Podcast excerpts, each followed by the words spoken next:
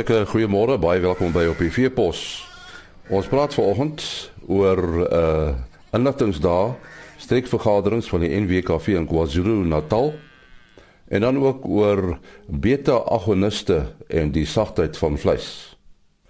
Die uh, NWKV in uh, KwaZulu-Natal die hou uh, hierdie week streekvergaderings en ons praat 'n bietjie met 'n uh, Bom Lou van die NWKV. Uh, wanneer uh, begin hierdie streekvergaderings Bom? Dit begin vandag Dinsdag die 3de Februarie uh hier op uh, Paul Pietersburg. Dit is al die afgelope 8 jaar wat ons dit doen. Uh in Natal uh, is een van die enigste provinsies wat wat dit elke jaar doen. Van die ander provinsies het een jaar uh kongres en ander jaar streekvergaderings. Die rede hoekom ons dit uh, elke jaar doen is omdat ons baie meer boere bereik. Ons bereik oor 120 uh, boere met hierdie ses vergaderings en in die verlede het ons 'n uh, kongres gehad. Jy uh, kan nog onthou daar by die Fernhill in uh Howick het ons elke jaar kongres gehad en 50 afgevaardigdes genooi en as ons gelukkig is is daar 26 gekom. So ons het nie verskriklik baie boere met die met die kongresse bereik nie en in die streekvergaderings bereik ons regtig baie boere en soos jy nou weet ons in die RPO doen eh, dit is nou die NWKV en die RPO doen dit nou saam vir die afgelope 6 jaar en dit is is 'n reuse sukses en ons bereik regtig baie boere. So dit word gebruik om terugvoer te kry en ook uh, natuurlik om inligting oor te dra. Ja, nee kyk ons uh, ons gebruik die twee organisasies die RPO en die NWKV kry elkeen 'n geleentheid so 45 minute om terugvoer te gee van die kongresse uh jy weet die vorige uh, jaar se kongresse of vroeë jaar se kongresse. Koos van Reis is byvoorbeeld vanjaar hier vir die RPO en Gilo de Tooi die ondervoorsitter van die NWKV is hier vanjaar uh vir die NWKV en hulle gee altyd terugvoer. En dan het ons natuurlik in uh, in inleidende sprekers ook vanjaar uh Dr. François van der Vyver van Voormal wat bietjie oor dierevoeding gaan praat en dan Barry Simmons wat 'n konsultant is wat bietjie oor ekonomie se bestuur van die koeikudde gaan praat en dan het ons daarna 'n paneelbespreking. Paneelbespreking is vir my 'n verskriklike oulike manier, jy weet jy die boere vra uh direk vra en en en jy kry die antwoorde daar. Uh ek het dit 'n paar jaar gelede in die Oos-Vrystaat probeer en dit baie goed gewerk. So jy jy het julle vingers op die pols, né? Nee?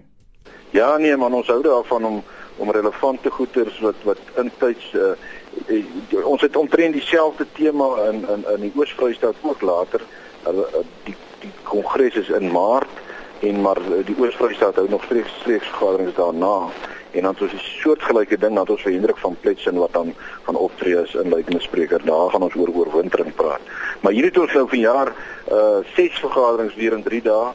Hendrik Botha, hy is die voorsitter van die NWKV en die en die RPO Natal.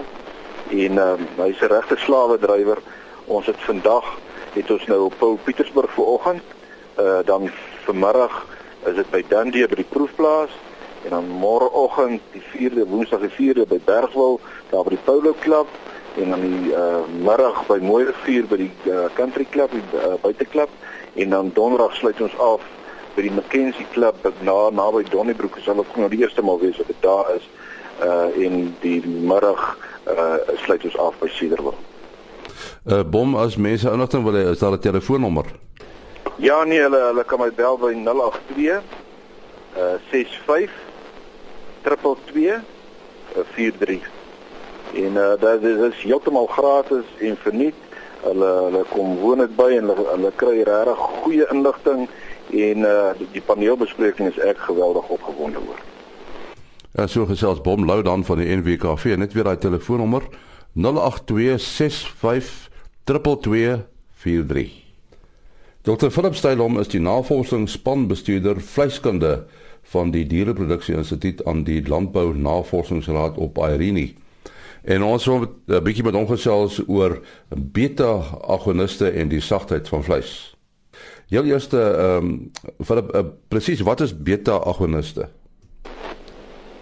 Uh, en eenvoudig gesproke is dit uh, dis dis is dis 'n groei bevorderaar sonder om nou in die in die chemiese en die wetenskaplike detail daarvan te gaan. Dis 'n dis 'n chemiese middel wat uh, wat 'n groei bevorderaar is wat in veevoer bygevoeg kan word uh in die laaste gedeelte van uh groei voordat die dier bemark word.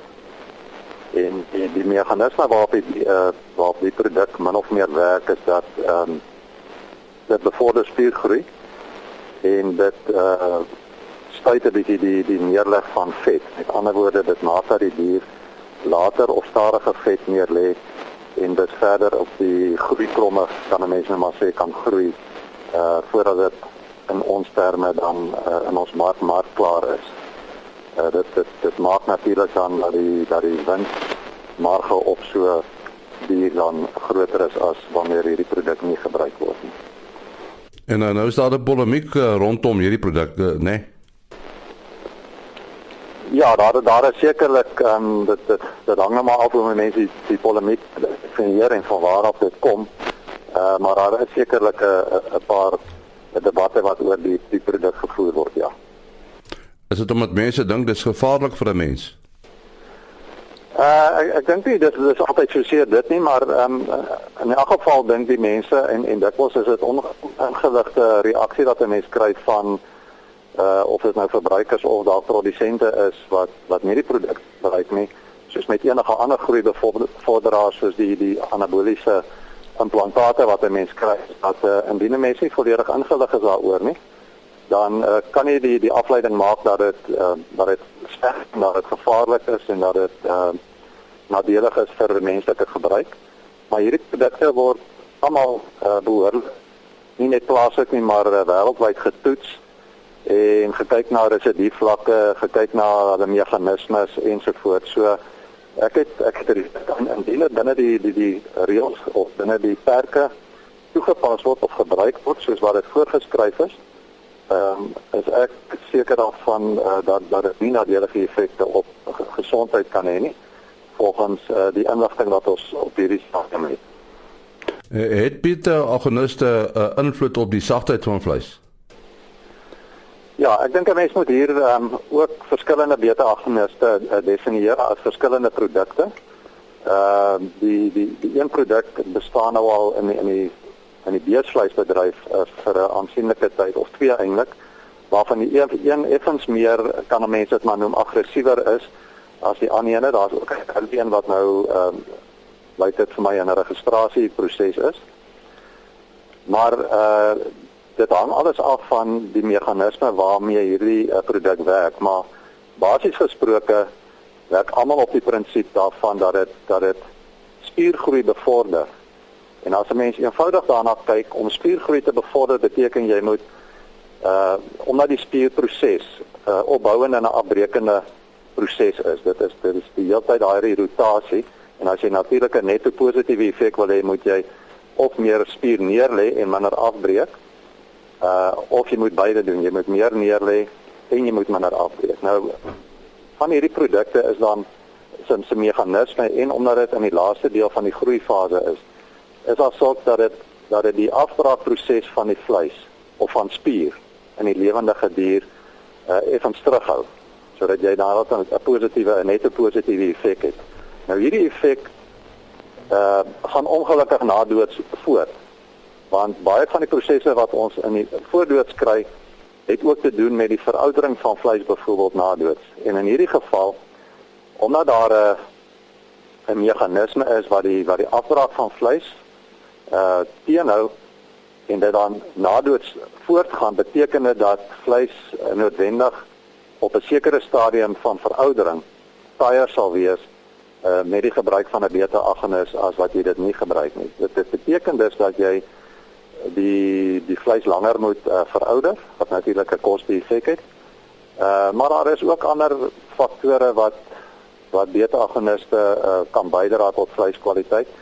En dit is hoekom dit in my opinie 'n uh, 'n produk is wat baie baie goed bestuur moet word, nie net in die voerkraal waar dit toegepas word nie, maar ook uh, gedurende die vervoer van die dier, met ander woorde waar ons met stres en daai goed te doen het en ook met die uh, slagproses van die dier uh, gedurende die eerste 24 uur wanneer wanneer die soos ons dit noem spier na vleis te verander en hy uiteindelik uh, dan 'n karkas is wat wat wat op die waarvan die vleis op die verbruiker se bord beland. Watter ander faktore is daar wat uh, wat die sagtheid van vleis byvoorbeeld beïnvloed? Daar kan verskeie faktore wees. Ons ons ons praat maar altyd daaroor as uh as 'n mens begin by die lewendige dier, dit kan genetika wees. Dit kan uh die tempo wees waarteen die dier groei. Ons ons weet ouderdom word in ons klassifikasiestelsel inge, ingesluit, so dit gaan oor die ouderdom van die dier omdat dit 'n effek het op die uh bindweefsel. Maar die die belangrikste proses eintlik volgens my, ehm uh, indien 'n mens binne dieselfde ouderdom van die dier byvoorbeeld praat, is daardie doodmaakproses. Uh en die proses wat daarna volg totdat die dier ehm um, totdat die spier in vleis verander het binne die eerste 24 uur. Met ander woorde, daar is die hele kwessie van verkoeling en of daar stimulering, elektriese stimulering in die karkas toegepas word ensovoorts en dan natuurlik uh faktore soos die veroudering van die vleis wat waarvan die effekte van ehm um, of die oorsake of hoe goed dit plaasvind afhang van hoe al hierdie prosesse vooraf gereguleer is en en gekombineer is. Dit was Dr. Philip Steidom van die Diereproduksie Instituut aan die Landbou Navorsingsraad op Irene. Tot sover dan op die veepos. Tot môreoggend alles van die beste. Ah.